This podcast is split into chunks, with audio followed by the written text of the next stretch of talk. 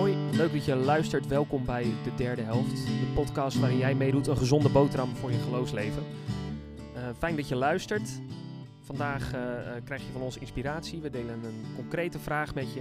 En daarna ligt de bal bij jou. Je kunt reageren via Facebook, Instagram of via een mailtje. En dan gaan we met jouw reactie uiteindelijk weer de derde helft maken voor komende zondag. Dat straks. Dus we zijn straks benieuwd naar die concrete vragen, wat jij erop wilt zeggen. Eh, voor nu, ga er even lekker voor zitten of loop nog een blokje om. Want hier is jouw derde helft. Ik zit hier de, van, eh, vandaag met Mark. Goedemiddag is het, hè?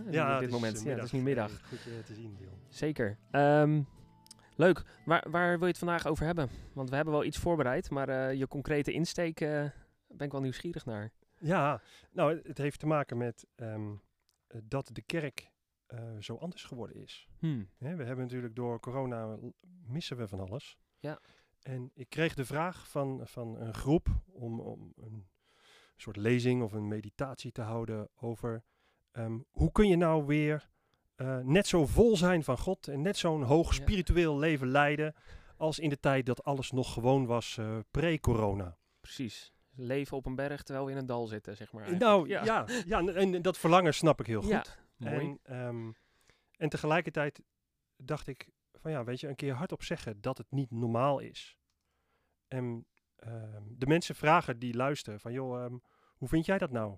Juist. Hoe, hoe het nu gaat? Want we proberen van alles en ik vind het echt tof wat er allemaal gebeurt. Ja. De, de, de, de diensten die we proberen te houden. Nou, eh, Vespers. ehm, ik mocht een keer in een weiland staan in de druilerige Mm. regen met eh, 150 man onder parapluutjes. Ja, Ehm, je, je hebt eh, nou, diensten op allerlei plekken en allerlei vormen. Deze podcast. En we, we doen dus van alles. juist. Ja. Ehm, en toch hoor ik om me heen, ik, ik voel het in mijn botten, Mhm. is het, is, is het niet ehm, waar je soms naar verlangt. En ik Ja. dacht, nou, misschien moeten we daar eens even hardop over nadenken. Ja, dat is wel een interessante. Dat is wel herkenbaar hoor, want het is sowieso natuurlijk een tijd waarin we, nou ja, waarin je toch weer eventjes aan het denken wordt gezet. En waarin je inderdaad denkt van hoe belangrijk vind ik de kerk? Wat vind ik nou van mijn geloof? Ehm, beleef ik het wel zoals ik het normaal in de kerk beleef, zeg maar. Ook als ik die kerk niet meer heb. Dus dat is wel een interessante...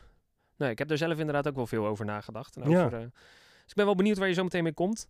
Ehm, nou, wat je wilt delen, aan de hand van welk bijbelverhaal ook, daar, eh, dat gaan we zomaar eens even zi- zien. Eh, voor nu eh, luisteren naar een stukje muziek. Ehm, nou ja, het is een keer wat anders dan anders. En ik ben benieuwd wat je eruit haalt. De straten die zijn verlaten, in een zon die steeds feller schijnt. Deze stilte maakt de ruimte vrij om te kijken wie we zijn.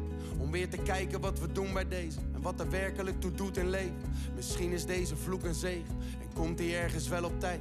Maar ik voel het net als jij hier vecht, hier ergens diep van binnen. De onzekerheid, het ongeloof en de waarheid in het midden. Al weet ik niet wat de toekomst brengt, weet dat ik op je wacht. In gedachten ben je hier, dus zing ik zacht. Als je mij zoekt, dan zal ik je vinden. En als je verdwaalt, zoek naar de zinnen. Al lijkt het alsof je de strijd niet kan winnen. Mijn hart het staat open, je kan altijd naar binnen. Al ga je straks ooit kapot van de pijn. En is het nu niet wat het zou moeten zijn. Wat het ook is, je kan het delen met mij. Al ben je ver weg. Ik ben altijd dichtbij. Ja, dus daar, daar zit je dan. In een, in, een, in een leven waarin de kerk misschien een grote, misschien een kleine plek had. Maar in ieder geval eh, stutte de kerk iets. Hè? Er, er was een ritme en een, een vanzelfsprekendheid van dingen die we samen deden. En waarvan we ook zeiden dat ze goed, mooi en belangrijk waren. En ehm, ik, ik herinner me ehm, het, nog uit mijn jeugd, uit een, een, een verhaal van iemand die, die vertelde over dat hij overwogen had om de kerk te verlaten. En dat iemand toen het superbekende verhaal tegen hem had gehouden van, kijk, het is als een haardvuur, waar je dan eh, alle kooltjes bij elkaar en die houden elkaar warm. En als je dan zegt, ik kan heus wel geloven zonder de kerk. En dat dan, de, als je er dan één kooltje naast legt, buiten het vuur, dat het dan langzaam begint te doven. En dat dat, dat dat dan daarmee duidelijk maakt van, joh, je moet het niet alleen doen, je kunt het ook niet alleen. En eh, ga maar weer lekker terug naar dat vuurtje. En ik weet nog hoeveel indruk dat op me maakte, dat beeld. En als ik dan nu naar, kijk naar wat we nu meemaken, dan lijkt het erop niet alsof iemand er zelf voor gekozen heeft om zijn kooltje buiten het haardvuur te leggen. Maar dat er gewoon een kudde olifanten doorheen gestampt is en dat dat vuur uit elkaar is gegaan. En dat, de, uh, dat, dat we de, nu leven met een leven waarbij we onszelf moeilijk kunnen warmen aan elkaar op anderhalve meter afstand of met maximaal 30 mensen of als er maar niet gezongen wordt. Of nou, kijk maar online.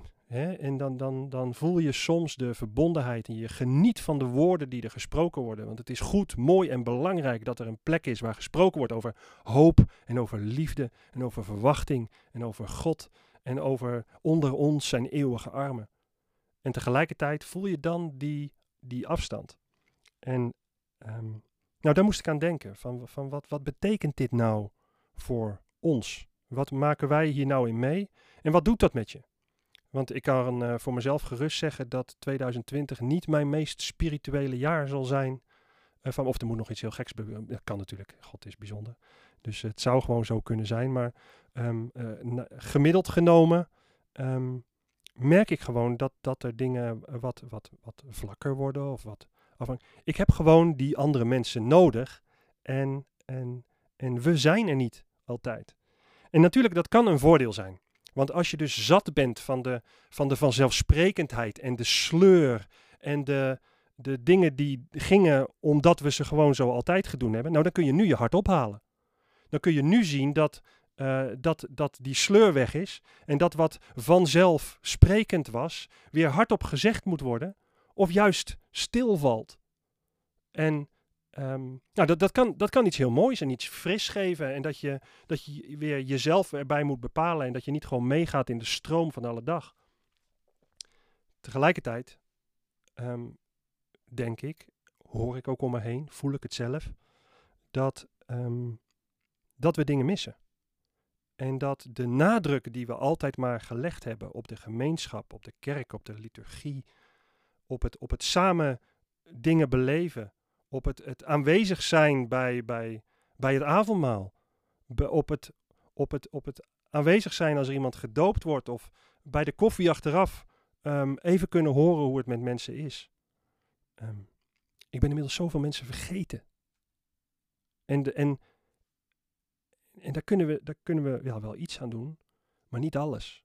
Dus het, het is gewoon niet meer zoals het, zoals het was. En ik dacht, misschien moeten we daar gewoon eens over hebben. Ik ben heel benieuwd hoe dat, hoe dat is, hoe je, hoe je dat ervaart. Of je, of je het ook mist. Of wat je doet om hier um, uh, wel nog een vorm van gemeenschap in te zoeken. En misschien kunnen we elkaar daar nog wel eens uh, wat in helpen. En, um, dus zo dacht ik van nou, volgens mij is dat mooi om daar iets over, over te delen. En, en hardop te zeggen van het is niet normaal hè. En het nieuwe normaal is ook niet normaal. Dat is niet wat we uh, hoe het hoort te zijn. Omdat we dingen missen die, die, we, die we belangrijk vinden. En die God ook gelegd heeft in zijn, in zijn organisatie, in zijn kerk. Ik, ik zeg organisatie, maar dat bedoel ik niet. Want een organisatie en een kerk zijn echt verschillende dingen. Hè, een organisatie kan gewoon failliet gaan omdat als er geen klanten meer komen of als er gewoon het businessmodel niet meer werkt, dan loopt het stuk. Maar de kerk is van God.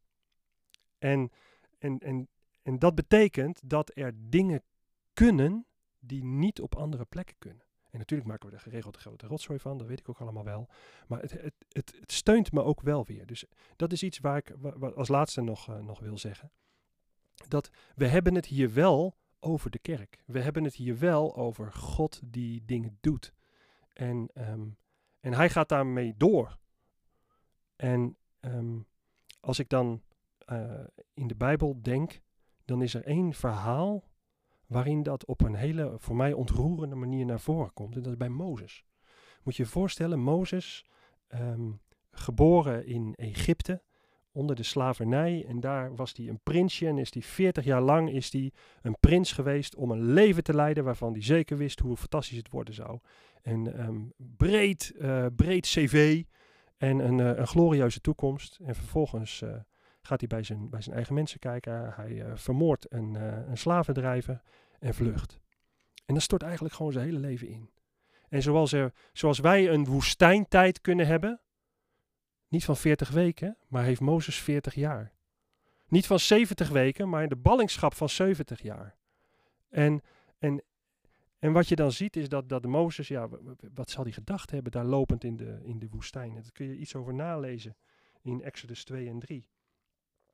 Want um, daar wordt dan gezegd dat Mozes die gevlucht is bij een, um, bij een, uh, een, een, man komt, bij uh, Reuel en bij, bij Jethro.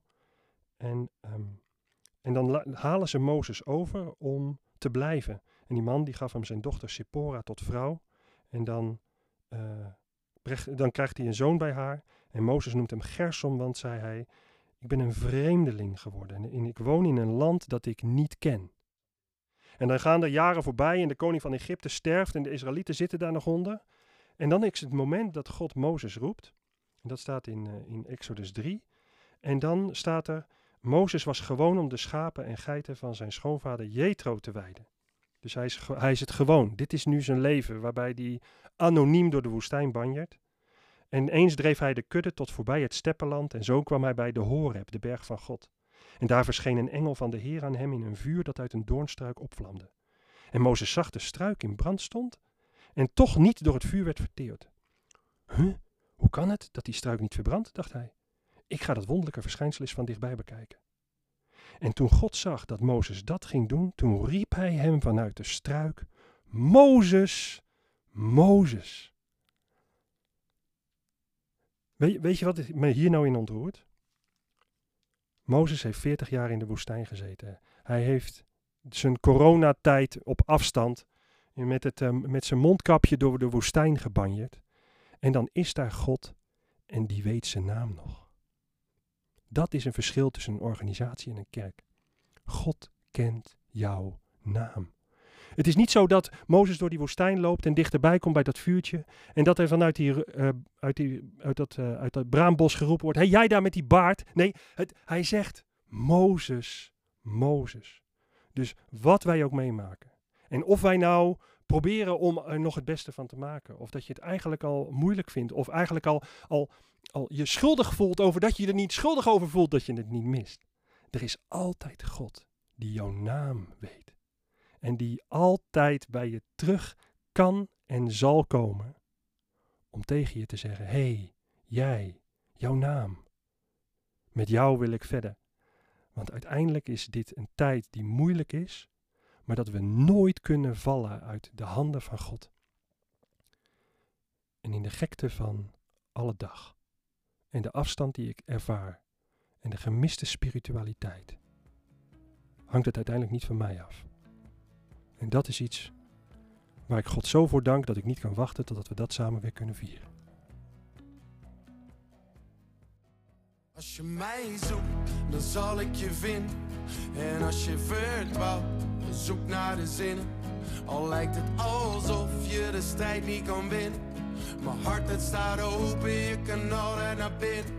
Al ga je straks ooit kapot van de pijn. En is het nu niet wat het zou moeten zijn. Wat het ook is, je kan het delen met mij. Al ben je ver weg ik ben altijd dichtbij. Mooi, uh, Mark. Dank uh, dat je dit zo wilde delen, die gedachten. Hm. En leuk dat er, dat er wat voor dingen spontaan zo oppoppen. Um, ik denk dat ik het wel een beetje herken hoor. Het is ook een opluchting inderdaad dat er geen sleur is of zo. Ik had het op een gegeven moment toch wel dat ik denk, zeker in het begin, je denkt, oh even geen geregel, even geen... Uh, ja. Het begint nu wel weer wat meer, dus dat moet zeggen dat ik daar ook soms wel een beetje tegenop zie. Uh, weer muziek gaan maken in de kerk. En hoe, uh, um, nou ja, ik heb het misschien ook wel bewust een beetje afgehouden in het begin. Um, terwijl die structuur ook wel weer heel erg helpend kan zijn. Dus nou ja, ben benieuwd hoe dat verder vorm gaat krijgen. Mooi. Wat zie jij er weer naar uit om weer, wel weer in de kerk... Zeg maar, is, is het iets waar je, naar, waar je naar zoekt? Of waar je nou zegt van, joh, ik wil, ik wil wel een soort eindpunt zien... waarin we weer wat... Ja, ja, ik mis het echt wel. Hmm. En die, die gemeenschap die zou mij erg helpen. Ja. Ook om zelf weer gewoon natuurlijk af en toe op het podium te klimmen en Ja. zo natuurlijk. Want je gaat, het is ook dat ik, ik ga niet voor mijn eigen eh, stille tijd mijn eigen, mijn eigen overdenkingen maken of zo. Nee. Dat is toch ook dat je een soort publiek voor je ziet, Juist, ja. waar, waar je wat mee mag delen. En dus ja, dat, ik- nee, Maar ook gewoon de diensten, joh. En, en, en de, de kinderen weer meenemen. Juist, ja. En ehm, Maar dat is het ook, hè? Dat je inderdaad wel weer gewoon even wat... Je hebt iets om naartoe te werken. En je Ja. hebt ook iets om... Want ik wij doen nu inderdaad op die zondagochtend doen we af en toe eens een viering. Ehm, nu zelfs wekelijks. En daar bereid ik vaak iets inhoudelijks voor. En ik merk dat dat heel erg lekker is om een soort doel te hebben waarvoor je iets voorbereidt. precies. Want ja, inderdaad, in mijn vrije tijd ga ik ook wel eens een, een ingewikkeld boek zitten lezen. Maar je gaat niet een verhaaltje schrijven of een, of een soort sluitend geheel eh, bedenken. Net als deze podcast. Het helpt wel om iets vast, iets van ritme te hebben. Om ook. eh, Ik geloof, niet dat we, ik geloof niet dat we gemaakt zijn voor doelloosheid. nee, Nee, nee, precies. Nee. Dus die 40 jaar van Mozes was ook geen doelloos iets, zeg maar, uiteindelijk. Uiteindelijk, nou, voor, binnen het perspec- perspectief van God eh, niet. Nee, zeker Nee. niet. Eh, voor Mozes eh, weet ik eigenlijk niet. Ik denk Nee. dat hij nu wel zich berustte in, in, in dat nieuwe leven van ja. hem. Als vreemdeling. Ja. En welke, wat, wat nou een, een, een... Hoe die spiritualiteit werkte voor het kruis, weet ik Hmm, niet. Nee, precies. Na het lastig, kruis is het allemaal anders geworden natuurlijk. Ja, en dat, dat kun je meer meebeleven. Ja, Ja, ja, is ja. waar. Ja. Interessant. Nou ja, het is echt ook een uitdaging voor jou als luisteraar om ehm, misschien maar gewoon die 40 jaar uit te zitten. En misschien maar gewoon eventjes wel te zeggen van joh, het is gewoon nu even zoals het is. En eh, ehm, ehm, ook maar gewoon eens te delen met anderen. Wat vind je nou echt van deze tijd? En wat, wat raakt je? Wat mis je aan de structuur? Eh, vind je het misschien wel fijn dat er geen structuur is? Ehm, bespreek dat vooral. En als je wel het verlangen hebt om wel dingen te gaan doen, ehm, ga dat ook vooral lekker proberen. Want dat is ook wel echt de uitnodiging die we bij je neer willen leggen. Ga maar een beetje eh freewheelen. Ga het maar gewoon doen. En ja, het is net zoals fietsen zonder zijwieltjes. Dat gaat de eerste tien keer mis. En dat is een beetje lastig. Het is een beetje ongemakkelijk. Maar het is eh, absoluut het proberen waard. Goed, concreet de vraag. Ik ga hem toch nog even concreet maken. Nou ja, we zeiden eerst grappend van tevoren, hoe vind je zelf dat het gaat? Maar dat is eigenlijk wel de vraag die we gewoon bij je neer willen leggen. Denk er eens over na. Hè? Ehm, wat vind je van deze tijd? Praat er eens met elkaar over. Wat, wat mis je nou in die structuur? En ehm, zoek je God? Ehm, doe je dat niet? Wat vind je ervan dat je dat wel of niet doet? En deel dat ook vooral met elkaar. En als je het tof vindt, deel ook eens wat je wel lukt. Waar je wel rust vindt. Waar je wel nog steeds van Gods liefde en trouw hoort. En waar je, dat, waar je die plek hebt om op te laden. Nou ja, ehm, ik ben heel benieuwd eh, wat je daarvan vindt. Deel je verhaal vooral met ons. Daar zijn we nieuwsgierig naar. Dat kan door een berichtje op Facebook, via Instagram of via een mailtje naar de derde. We hebben jouw reactie nodig om de derde helft te maken, dus ik zou zeggen reageer vooral. En dan gaan we met jouw reactie aan de slag. Ehm, dank voor het luisteren. Dank ook voor je eh, mooie woorden, Mark. Ehm, voor wat we mochten delen hier vanochtend. Mooi. Tot de eh, derde helft. vanmiddag. Ja, ja, precies. Ik ga even niks doen nu. Ja, mooi. Ehm, ik wens je een fijne dag nog. Dank voor het luisteren. En ik hoop dat je de volgende keer weer luistert. Doeg!